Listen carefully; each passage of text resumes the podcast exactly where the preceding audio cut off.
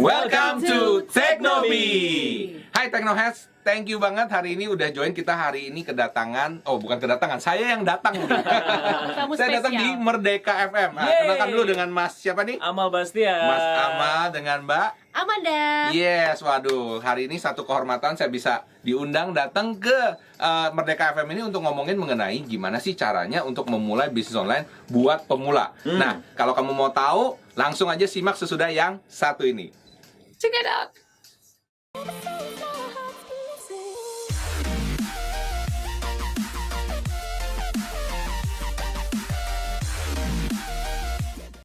Bersama Michael Sugiarto, seorang vlogger dan juga founder dari Digimaru Digital Marketing School. Cuma di Good Afternoon Surabaya.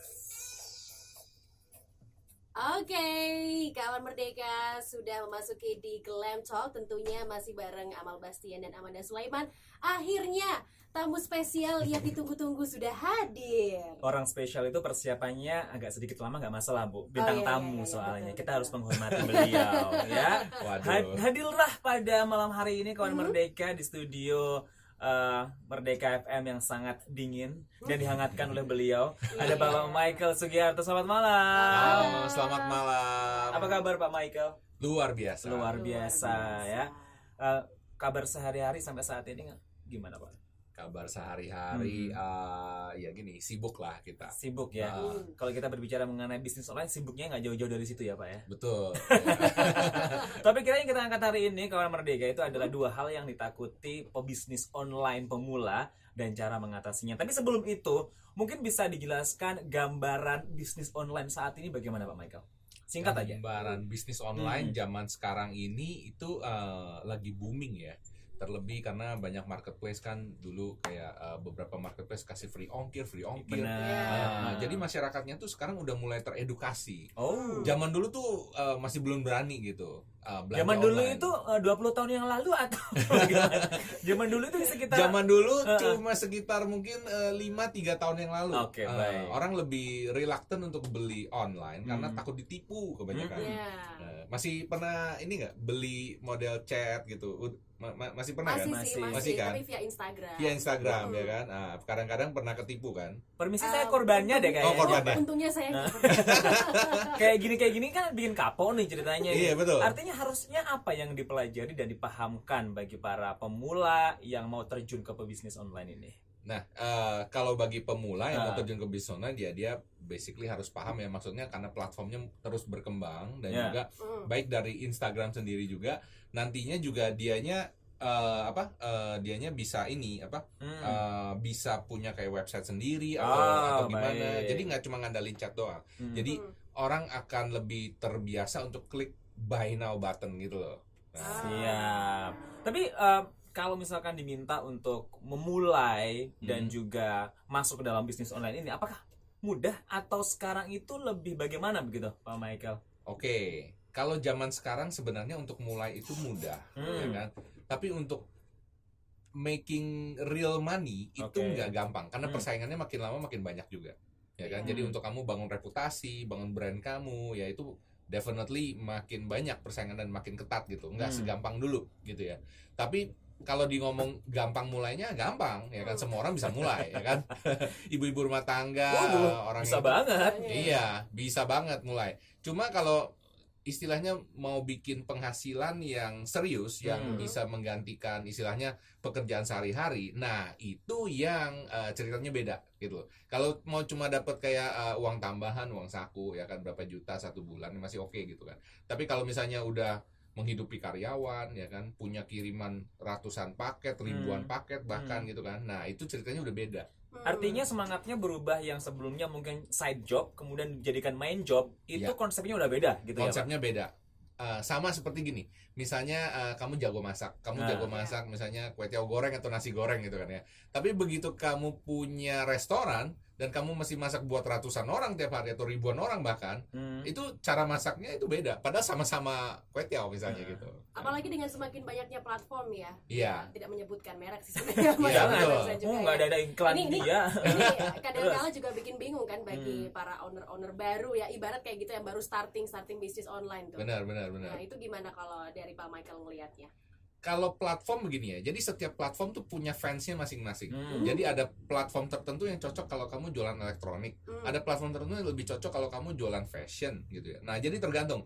Pertama selalu mulai dengan apa barang yang kamu jual dulu. Oke, dan kemudian habis itu baru kamu pilih platformnya. Atau kalau misalnya kamu nggak ada idea, nggak ada nggak ada barang anyway, Hmm. ya kan, kamu mau dropship dulu juga boleh, ya kan. Eh, Tapi intinya eh, bagi seseorang yang mau mulai ini, dia harus eh, rajin ya, istilahnya mantengin tuh tiap hari. hmm. Ya sama lah, misalnya kayak gini ya, misalnya kamu jualan barang di PGS, ya Iya. kan, atau jualan barang di Mangga 2.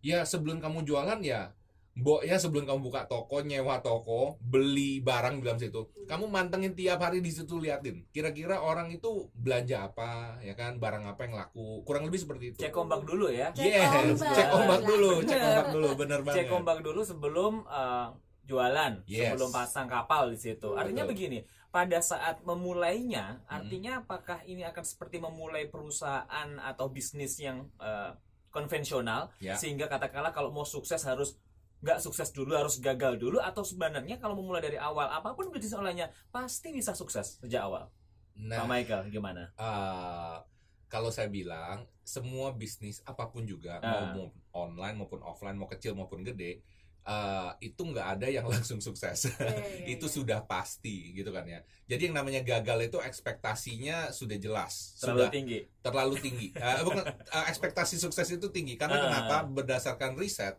itu hanya 0,4 persen ya Hmm. dari Ah. semua bisnis online jadi satu tahun kemarin itu ada sekitar 400 ribu online shop yang Hmm. yang tercatat ya, yang tercatat yang nggak tercatat kita nggak tahu, oke? Ini yang tercatat di marketplace, oke? Ada sekitar 400 ribu dan yang sukses melanjutkan sampai tahun kedua itu cuma 0,4 persen.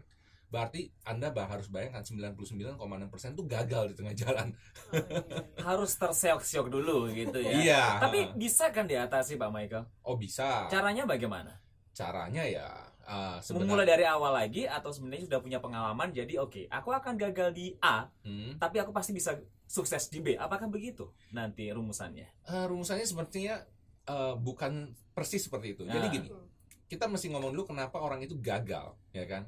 Dia gagal nomor satu itu karena dia nggak serius. Jadi dia nggak menganggap ini bisa menghasilkan penghasilan yang serius. Makanya Hmm, dia hmm. effortnya juga nggak serius. Hmm. Dia biasa-biasa aja. Dan kemudian dia bingung kenapa saya upload, kenapa saya post di Instagram atau misalnya saya upload di marketplace, kok nggak ada yang beli? ya kan? Hmm. Karena dia nggak pernah berpikir seperti seorang pebisnis. Jadi dia cuma iseng-iseng gitu loh.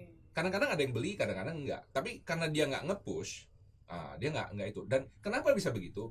Seperti yang saya eh, bicarakan tadi, karena entry barrier-nya itu sangat rendah. Hmm. Hmm. Kamu bisa buka dan gratis. Maksudnya, jadi kalau sesuatu yang gratis itu bagi orang, ya udah kalau sukses ya sukses.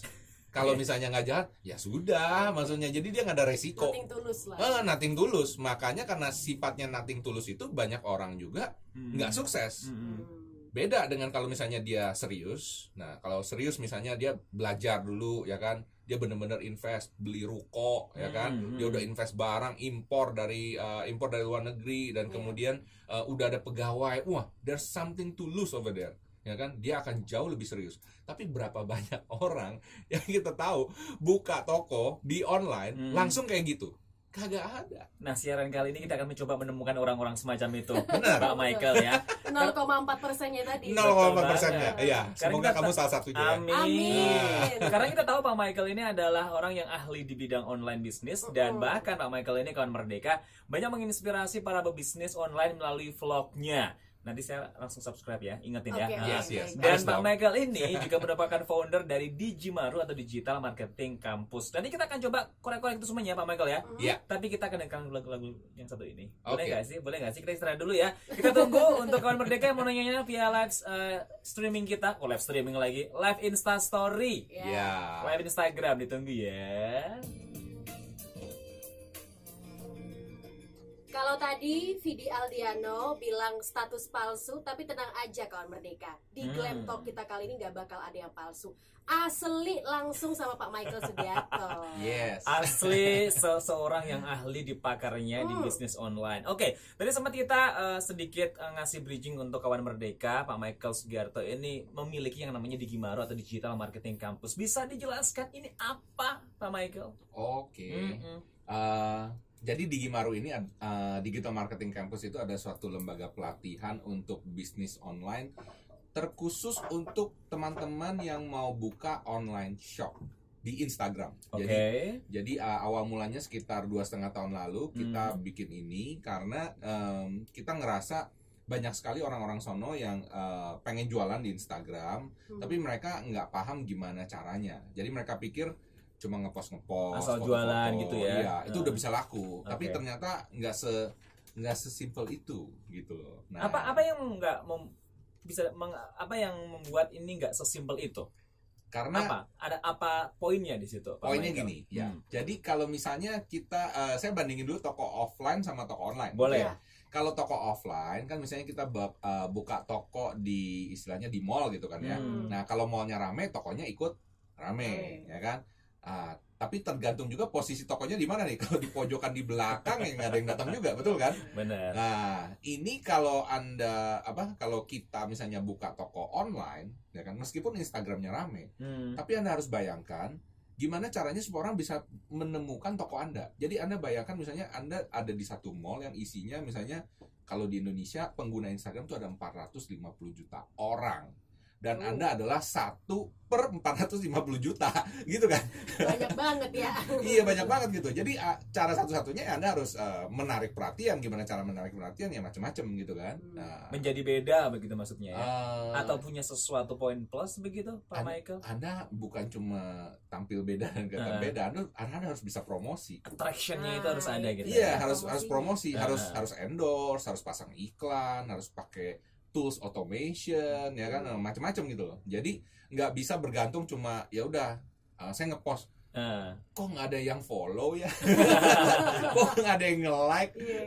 Saya tanya, "Eh, so kamu ngapain? Ya Ah. gini, cuma ngepost doang begini, pakai hashtag gitu dan berharap suatu mukjizat bisa datang untuk nyampe ada sih yang bisa kayak gitu mungkin ya pertama kali Instagram masuk gampang Hmm. sekarang aduh ceritanya udah beda banget gitu Oke, tapi gini Pak Michael, sebelum kita lebih jauh lagi ngebahas mengenai bisnis online, Ya. vlognya juga di yang di YouTube juga nih ya. Um, Amanda pengen tahu, ini Pak Michael ini apa sih yang menginspirasi ketika tiba-tiba akhirnya memutuskan, oke, saya akan mendalami uh, dunia bisnis online. Awalnya kayak gimana sih? oke awalnya nih sebenarnya em, saya tuh saya tuh sebenarnya punya tool untuk Instagram jadi Hmm. kalau mau Instagram anda ngetop gitu kan ya Oh, Oke. Punya Ini banyak menarik, followers. menarik. anda bisa pakai tool yang saya bikin namanya activefans.com ya kan nah Hmm. dari sini eh, ternyata yang pakai itu banyak sekali online shop Hmm. dan eh, pada saat eh, customer service saya itu admin saya itu ngechat kita eh, kita realize ya maksudnya saya lihat kok pertanyaannya itu kayaknya eh, basic banget ya dan bahkan mereka kayaknya nggak ngerti cara jualan tuh gimana gitu loh Hmm. dan pertanyaan itu selalu diulang-ulang Contohnya, Pak Michael. contohnya misalnya gini eh, Pak gimana sih caranya supaya sukses bisnis online Hmm. saya bilang kalau kamu punya toko dan Nah. nanyanya gimana sih caranya supaya toko kamu sukses Hmm. itu kan berarti pemula banget gitu kan Iya, Salah iya, kita iya. tanya hari ini salah sukses awal-awal tadi ya. Kita harus lebih detail. Lanjut Pak Michael, lanjut. iya Heeh. ini sama nanya, ini sama seperti kamu ketemu Warren Buffett, ya, Nah. dan ke Warren Buffett, dan terus kamu ngomong, "Eh, Warren gimana caranya investasi supaya sukses? Terus dia mau jawab dari mana coba? Bayangin, ya kan? Iya, iya. Mau jawab dari mana? iya. Kan bingung gitu kan? Nah itu ketahuan banget bahwa pemula itu nanyanya kayak gitu, Mm-mm. gitu. Tapi kalau misalnya anda udah pernah jualan, anda pasti nanya gini, gimana ya saya cari supplier yang harganya murah dan bagus, misalnya kayak gitu. Iya, iya. Nah, beda dong ceritanya kan. Jadi pertanyaan kualitas pertanyaan menentukan dari eh, si apa si penanyanya juga gitu. Kualitasnya penanya, kemampuannya penanya begitu Ya, ya. maksudnya. ketahuan dari pertanyaannya gitu Hmm. loh. Tapi akhirnya membuat yang namanya Digimaru. Ya. Tadi apakah memang backgroundnya nih Hmm. selain eh, pengalaman juga pernah berkecimpung lama begitu di bisnis online sehingga bikin edukasi semacam ini, Pak Michael? Eh, saya dulunya itu punya toko. Bener kan? Bener Ah. kan? saya, saya punya toko. Gak jauh-jauh, pasti ke bisnis juga. Iya, Lanjut. saya punya toko. Hmm. Eh, keluarga saya udah lama juga. Kita punya toko di Mangga Dua, di Tanah Abang. Saya juga pernah, ya kan. Dan kemudian pada saat saya bikin software ini, saya realize sebenarnya eh, buka toko offline dan online tuh bedanya beda tipis gitu, beti gitu lah istilahnya. Oke. ya kan Betty Betty cuma beda media nah cuma banyak orang nggak paham kayak tadi misalnya kalau kamu buka di mall kamu buka di Mangga Dua atau Tanah Abang kamu satu per 2000 toko Tapi kalau kamu buka di Instagram satu per 450 juta. Silakan dinikmati. Jadi bedanya di situ ya uh, cuma cara menarik perhatian, cara Hmm. apa itu kurang lebih nah cuma beda-beda sedikit aja. Dan kemudian saya ketemu dengan uh, partner saya, Mas Hmm. Andri, Hmm. yang waktu itu dia sudah jualan online di Instagram. Nah, waktu saya ketemu dengan Mas Andri, saya tanya Mas Andri, "Eh, kamu tuh bisnis apa? Dia bilang saya jualan baju di Instagram. Jadi dia Hmm. jualan baju muslimah gitu. Terus saya saya nanya, "Eh, saya waktu itu belum nanya sih nggak enak kan baru ketemu udah nanya gitu. Terus Hmm. waktu saya main ke rumahnya saya lihat kok banyak CS ya. Terus kayaknya eh, banyak komputer gitu kan. Waktu itu saya sendiri mikir "Ah, bisnis online dia cuma ngepost ngepost doang bener. itu saya sendiri mikir kayak Baik, gitu baik, gitu baik. sampai ketemu dengan Mas Andi Mas Andi bilang "Eh, terus saya nanya Mas Andi kamu omsetnya kalau boleh tahu berapa Eh, saya waktu itu udah bayangan saya satu bulan bisa dapat 20-30 juta itu Hmm, udah oh, hmm. keren menurut saya gitu kan terus dia bilang ya alhamdulillah pak satu hari itu bisa 5 sampai 6 juta terus saya kali Wow. Itu baru satu hari ya. iya kalau gitu ratusan juta dong saya bilang satu bulan saya bilang wah ini nggak main-main gitu kan ya Oke. nah terus saya saya baru saya baru uh, realize potensinya besar Hmm. kemudian saya ngajak Mas Andi kita bareng-bareng bikin Digimaru Hmm. gitu. Hmm. Apply-nya bagaimana sih di Gimaru ini? Digimaru uh, simple Anda bisa ke website kami Hmm. digimaru.org ya kan Mhm. Nah kebetulan banget, eh, cuma ini di Surabaya ya. Eh, Ya. Kita selalu bikin eh, acara itu di Surabaya sama Jakarta doang, Hmm. ya kan. Eh, kebetulan nanti 27 Juli adanya di Jakarta, ya kan. Eh, anda bisa ke digimaru.org, Hmm. klik aja situ ada acara namanya eh, Road to 100, itu seminar setengah hari main eh, apa yang yang keren dari seminar ini bukan cuma duduk dan apa bukan cuma duduk dan nyatet gitu ya kan pernah ke seminar ya kayak gitu bosen bosen kan Iya, iya. Kita ini first uh, saya rasa first maybe in Indonesia atau even in the world kita Hmm. bikin kita bikin satu game ya Hmm. gimana orang-orang itu bisa ngerasain pengalaman punya online shop yang omset 100 juta sebulan asik gak? Oh. Langsung Kamu kayaknya praktek langsung judulnya ya. ya. langsung praktek Langsung praktek. nah langsung praktek hanya dalam waktu eh, hanya dalam waktu eh, 5 jam gitu Eh. dia bisa ngerasain gimana rasanya punya online shop yang rame yang omset 100 juta sebulan Boleh. Itu ngelihat notif pasti seneng banget. Uh. Money, money, money. Belum lagi kalau lihat itu notif dari eh, rekening itu Oh, beda iya, lagi iya, nanti iya. ya. Oh, tapi beda lagi. tapi kalau overall semacam ini ada pendidikan di Digimaru kemudian ada pelatihan bukan hanya teori tapi juga praktek lantas tadi kan eh, Pak Michael juga menyebutkan punya vlog juga apakah kalau kita melihat vlog Pak Michael itu cukup sebagai bahan sebelum kita ikut ke acaranya Pak Michael bersama dengan teman-teman Ya betul sekali. Hmm. Eh, kalau di vlog, eh, by the way, eh, YouTube saya namanya channelnya Teknobi. Ya. Oke, Oh, Teknobi. Teknobi, T E K N O B I E. Jadi teknologi buat newbie gitu kan. Hmm. Ceritanya Teknobi, ya kan. Nah, eh, saya mulai ini sekitar setahun lalu. Hmm. Eh, kita sekarang subscribernya 95.000 ribu kalau nggak salah. Oke. Nah, cukup lumayan lah ya kan Uh, banyak juga orang-orang yang mulai dari situ untuk belajar dan saya memang bagikan uh, ide-ide kayak gini uh, di situ secara free ya kan mereka bisa perhatikan sendiri belajar baik maupun yang newbie banget ataupun yang sudah season tapi lebih bagus memang ke newbie Hmm. karena pertama yang per, modal pertama intinya ya maksudnya uh, dalam sebuah bisnis itu sebenarnya bukan bukan modal uang atau modal uh, barangnya dia atau apa. Tapi yang bener yang harus bener itu adalah mindsetnya dulu. Dia harus pikirnya bener uh, cara berpikirnya harus bener dulu gitu loh. Karena kalau mindsetnya dia salah dia akan buang waktu buang uang dan buang tenaga. Sayang banget gitu. Kita udah sering lah lihat orang-orang yang uh, apa istilahnya terlalu istilahnya terlalu nafsu ya kan dia nggak paham gimana itunya Hmm. jadi banyak banget nih yang uh, ngimpor-ngimpor kan dari uh, dari, dari terlalu luar negeri. ambisius tapi Iya. pasarnya salah begitu impor wih murah murah wih, semuanya murah wah USB di sini harga 25.000 di situ harga cuma 2.000 wah murah impor semua udah impor di sini dia bingung jualnya gimana Ah, harus cari marketnya juga pada Iya. Tapi jadi penasaran juga nih Pak Michael. Hmm. Kira-kira untuk starting bisnis online itu awalnya harus kayak gimana sih? Awalnya harus kayak gimana? Mm-mm. awalnya perlu niat dan doa. Oh, enggak, oh, itu ide itu, ide itu muncul di mana setelah niat dan doa? Setelah niat setelah niat dan doa Ah. ya pertama harus dipilih sebenarnya kategorinya dulu. Niche-nya apa Hmm. ya kan? Ini kalau ngomong dalam sih jadi seminar ya. Ah, ah, itu permukaannya aja. Ah, apa aja? Se- ide kemudian lebih dalam lagi ke, ke arah sana nantinya iya iya iya pembelajarannya bilang ya. Oke, tapi eh, apa yang ditakutkan oleh pebisnis on- online pemula ini? Nah, ya ini ngomongin topiknya nih ya Ah. kan. Hmm. Pebisnis online pemula itu takut eh, dua hal. Apa yang itu, Pak? pertama itu adalah dia takut nggak ada order, Mm-mm. ya kan? Which is normal lah ya kan maksudnya gue baru buka toko dan kemudian nggak ada yang order, nggak ada yang nge-like, nggak ada yang ngeliat. Gimana caranya? Ya kan? Gimana caranya supaya ada order? Hmm. Nah, caranya nomor satu ya, ini karena masih tahap awal banget dia pertama harus eh, bikin yang namanya itu eh, dia harus menarik menarik perhatian untuk orang datang dulu. Nah menarik perhatian itu ada beberapa macam. Basically yang pen- paling penting itu dari kontennya. Hmm. ya kan? Dari kontennya. Konten itu ada foto ada video ada captionnya tulisannya gimana. Nah banyak sekali orang itu males untuk foto yang bagus. Ya kan? Saya pernah waktu itu kaget saya ngelihat dia mungkin udah punya toko juga gitu ya. Jadi dia foto fotonya tau taruh di mana? Fotonya itu di ubin Oh, iya, iya, Oh iya, bajunya di sebagai ubin. latar belakang, Pak. Warnanya kan Ah, putih, yes, ya kan?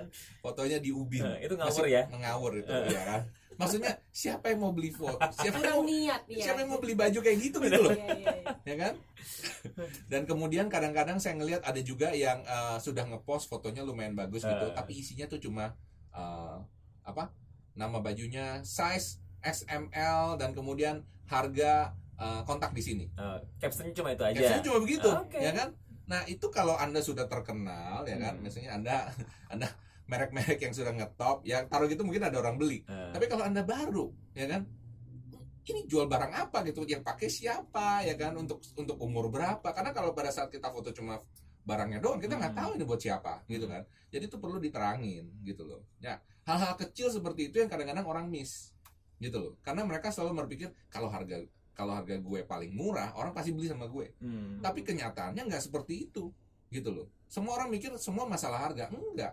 Kan terlebih di Instagram, karena di Instagram ini eh, pangsa pasarnya itu sebenarnya menengah ke atas, menengah sampai menengah ke atas. Jadi Anda actually harus jual barang yang lebih mahal sedikit. Ya. Kalau terlalu murah, malah orang nggak percaya, gitu loh. Hmm. Malah orang nggak beli karena itu barang murah gitu loh. Padahal Instagram dalam mindsetnya orang-orang yang main Instagram itu sesuatu yang bagus, yang yang lebih elit gitulah intinya. Oke, baiklah. Ini adalah materi untuk konten Instagram. Yes. Selain foto dan juga caption, nanti apa lagi ya kira-kira yang harus ada di laman Instagram kita? Ditahan dulu kawan Merdeka. Bisa join sekali lagi di live Instagram kita di @merdeka_fm. Sesaat lagi kita akan kembali. Sabar Pak Michael ya. Ya. Dan masih di Glam Talk dan masih barengan dengan Pak Michael Sugiarto, kita akan membedah bisnis online. Kalau di segmen sebelumnya ya, Pak Michael ya, kita udah ngebahas sedikit ada teasernya ya, masalah Instagram, bagaimana menggunakan Instagram sebagai platform bisnis.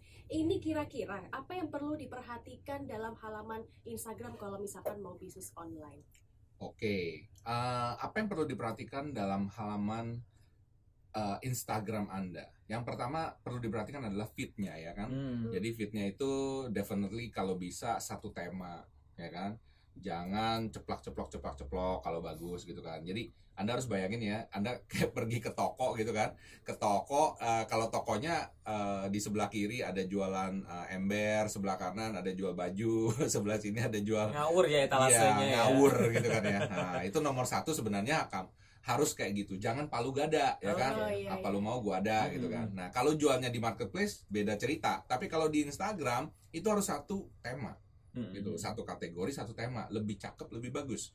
Karena itu yang akan mendorong branding Anda sehingga Anda bisa jual dengan harga yang lebih bagus juga gitu ya. Hmm. Dan kemudian yang jangan dilupakan sudah pasti adalah di bagian profile Hmm. profilnya itu harus jelas ya kan pertama tagline jadi di profile itu sesudah nama user ya kan? Di baris pertama itu itu adalah keyword yang akan dicari orang. Jadi bukan cuma hashtag ya jadi keywordnya. Jadi make sure kalau misalnya anda jual dodol misalnya gitu kan ah, dodol Garut paling enak eh di Garut misalnya kayak gitu kita dodol Garut enak Iya, enak Dodol di Garut ya.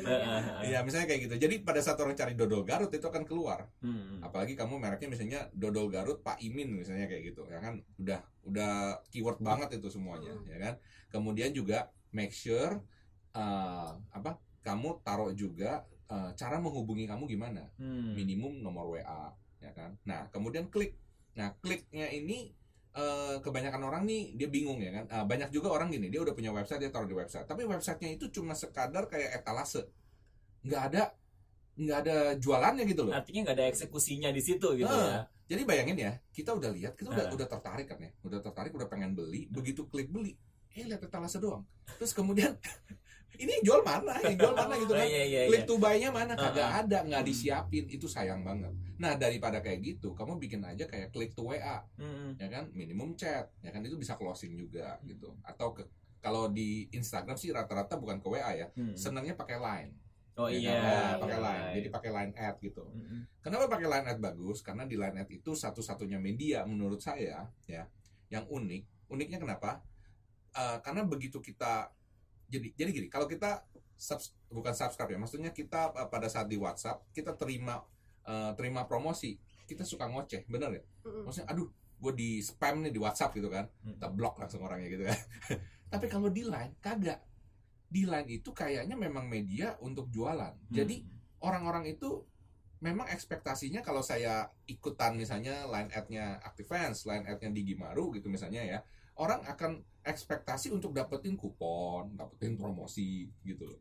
Sama lah orang kalau misalnya eh, ngeliatin eh, ngeliatin apa? ngeliatin line ad seperti itu kalau dia malah nggak dapat kupon sehari nggak dibelas gitu dia malah bingung ini masih buka nggak sih tokonya gitu kan ekspektasinya beda banget gitu loh Nah. ya kan nah itu itu yang menarik sebenarnya Hmm. Oke, tapi secara overall pada saat kita bisa memahami bahwa sebegitu pentingnya konten ini di Instagram dan juga lain dan juga apa pun itu sosial medianya. Contoh saya ambil ke Instagram, perlu nggak sih yang namanya verified gitu? Itu bisa ngeboost jualan kita nggak sih?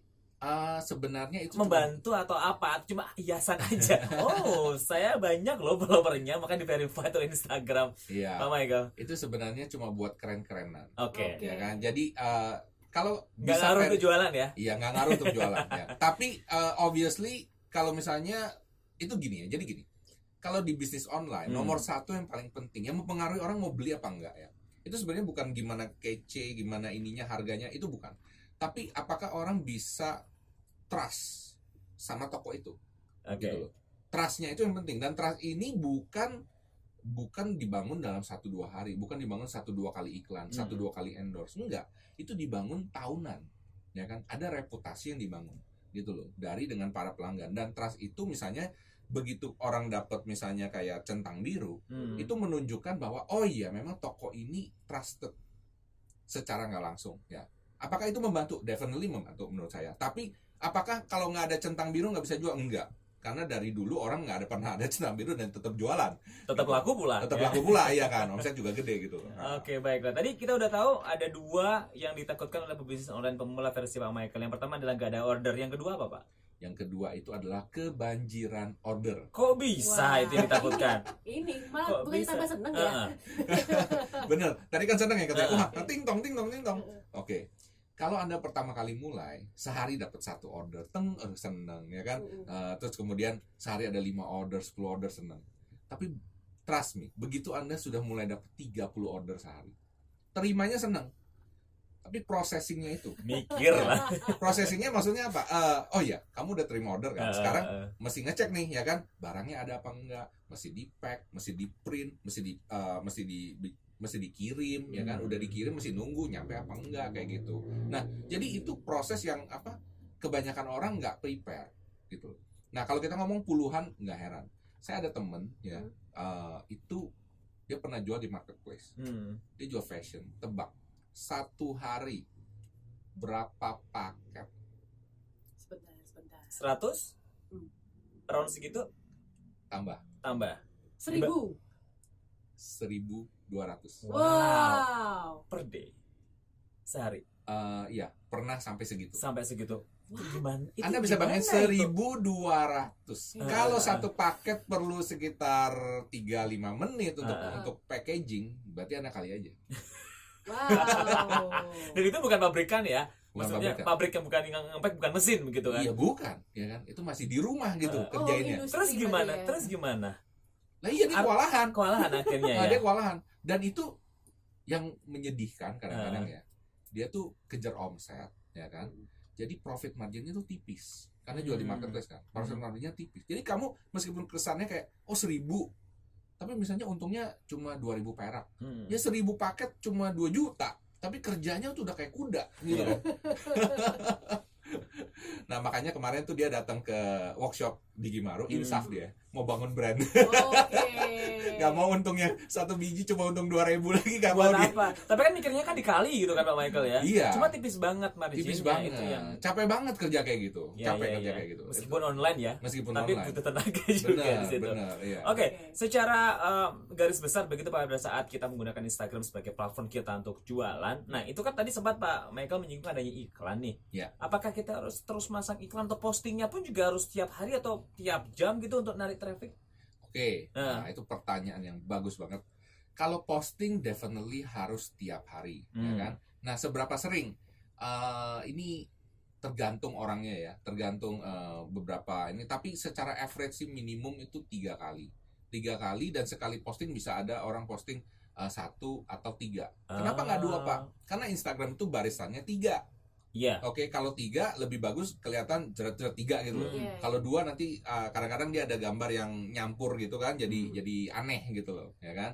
Intinya gitu. Nah, posting sehari tiga kali kayak makan obat gitu kan. Hmm. Iya iya iya iya. Posting sehari tiga kali untuk Iya. jamnya, apakah ada timing khusus? Karena saya pernah baca di Pinterest kalau nggak salah. Iya, Itu kan ada time-time khusus pada saat itu trafficnya orang banyak lihat postingan kita, gitu Pak benar sekali, benar sekali. Jadi uh, ada time-time khusus. Hmm. Uh, paling uh, secara umum aja pagi, siang dan malam sebelum tidur. Kenapa pagi? Karena bangun tidurku terus Oke. Ngecek. gosok gigi. ngecek Instagram pasti mungkin. ngecek Pasti handphone. ngecek Instagram ya kan. Ah, bener. Kemudian dia di WC duduk-duduk dia akan ngecek-ngecek. Ah. Oke. Dan kemudian eh, habis makan siang atau mungkin pada jam-jam bosan kerja sekitar jam 3 ya ya kan itu udah mulai bosan kerja. Nah, dia akan ngecek-ngecek ya kan. Dan kemudian malam banget eh, sekitar eh, jam 9 ya. Sebelum Hmm. tidur dia akan ngecek lagi. Aneh gitu loh. Ya memang begitu. Ah, saya ada waktu itu siapa ya eh, yang bilang dia posting pagi paginya pagi banget Hmm. paginya tuh sekitar jam eh, setengah enam saya bilang siapa yang beli setengah enam Jual koran mungkin eh, kebeli ya. iya jual orang kebeli ya dia jual hijab oke Oke. Oke. setengah enam dalam waktu eh, berapa menit gitu ya 30 menit itu 2000 pieces habis si.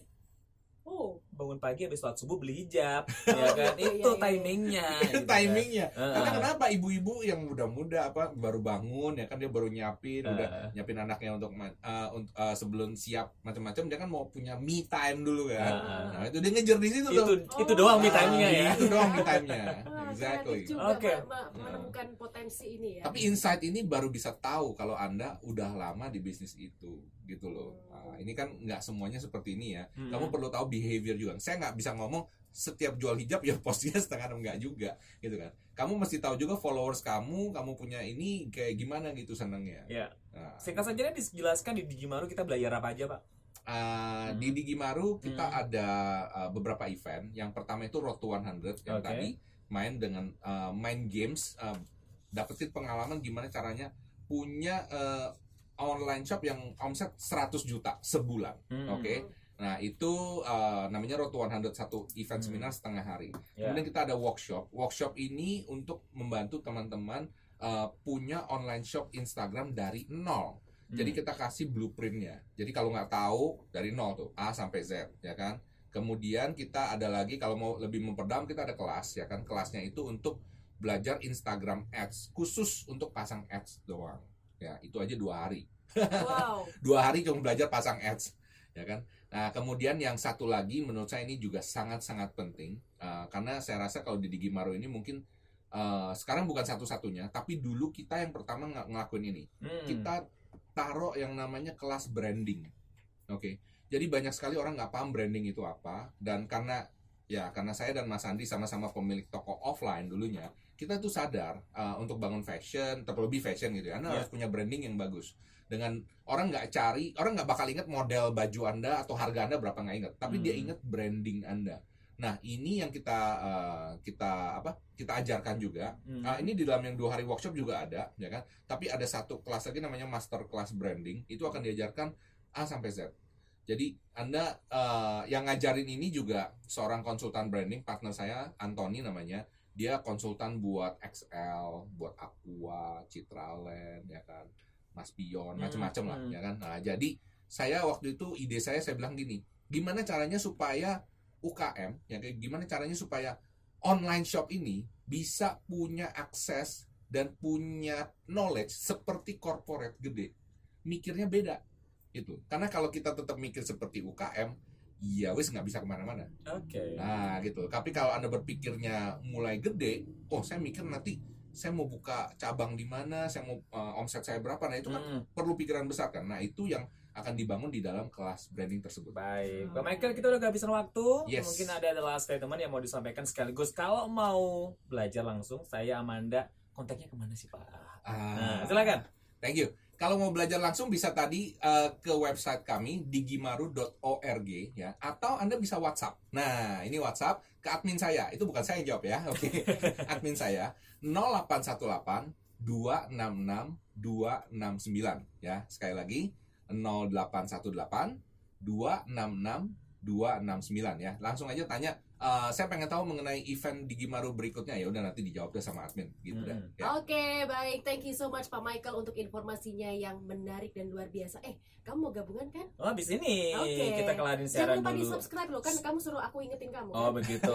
Aku udah follow di jimaru.id Oh, loh, sudah, jangan sudah, lupa. Udah, udah. Teknobi juga Teknobi. Teknobi Oh, habis Teknobi ini juga. ya. Vlognya diulangi lagi namanya apa Pak? Teknobi ya? Teknobi. Teknobi. Nanti kita akan tonton satu jam berikutnya. Oke. Pak Michael, terima kasih banyak. Terima Sudah kasih mampir ke banyak. Merdeka FM. Thank you. Ketemu lagi di lain kesempatan. Sukses terus Pak. Thank you. Thank you.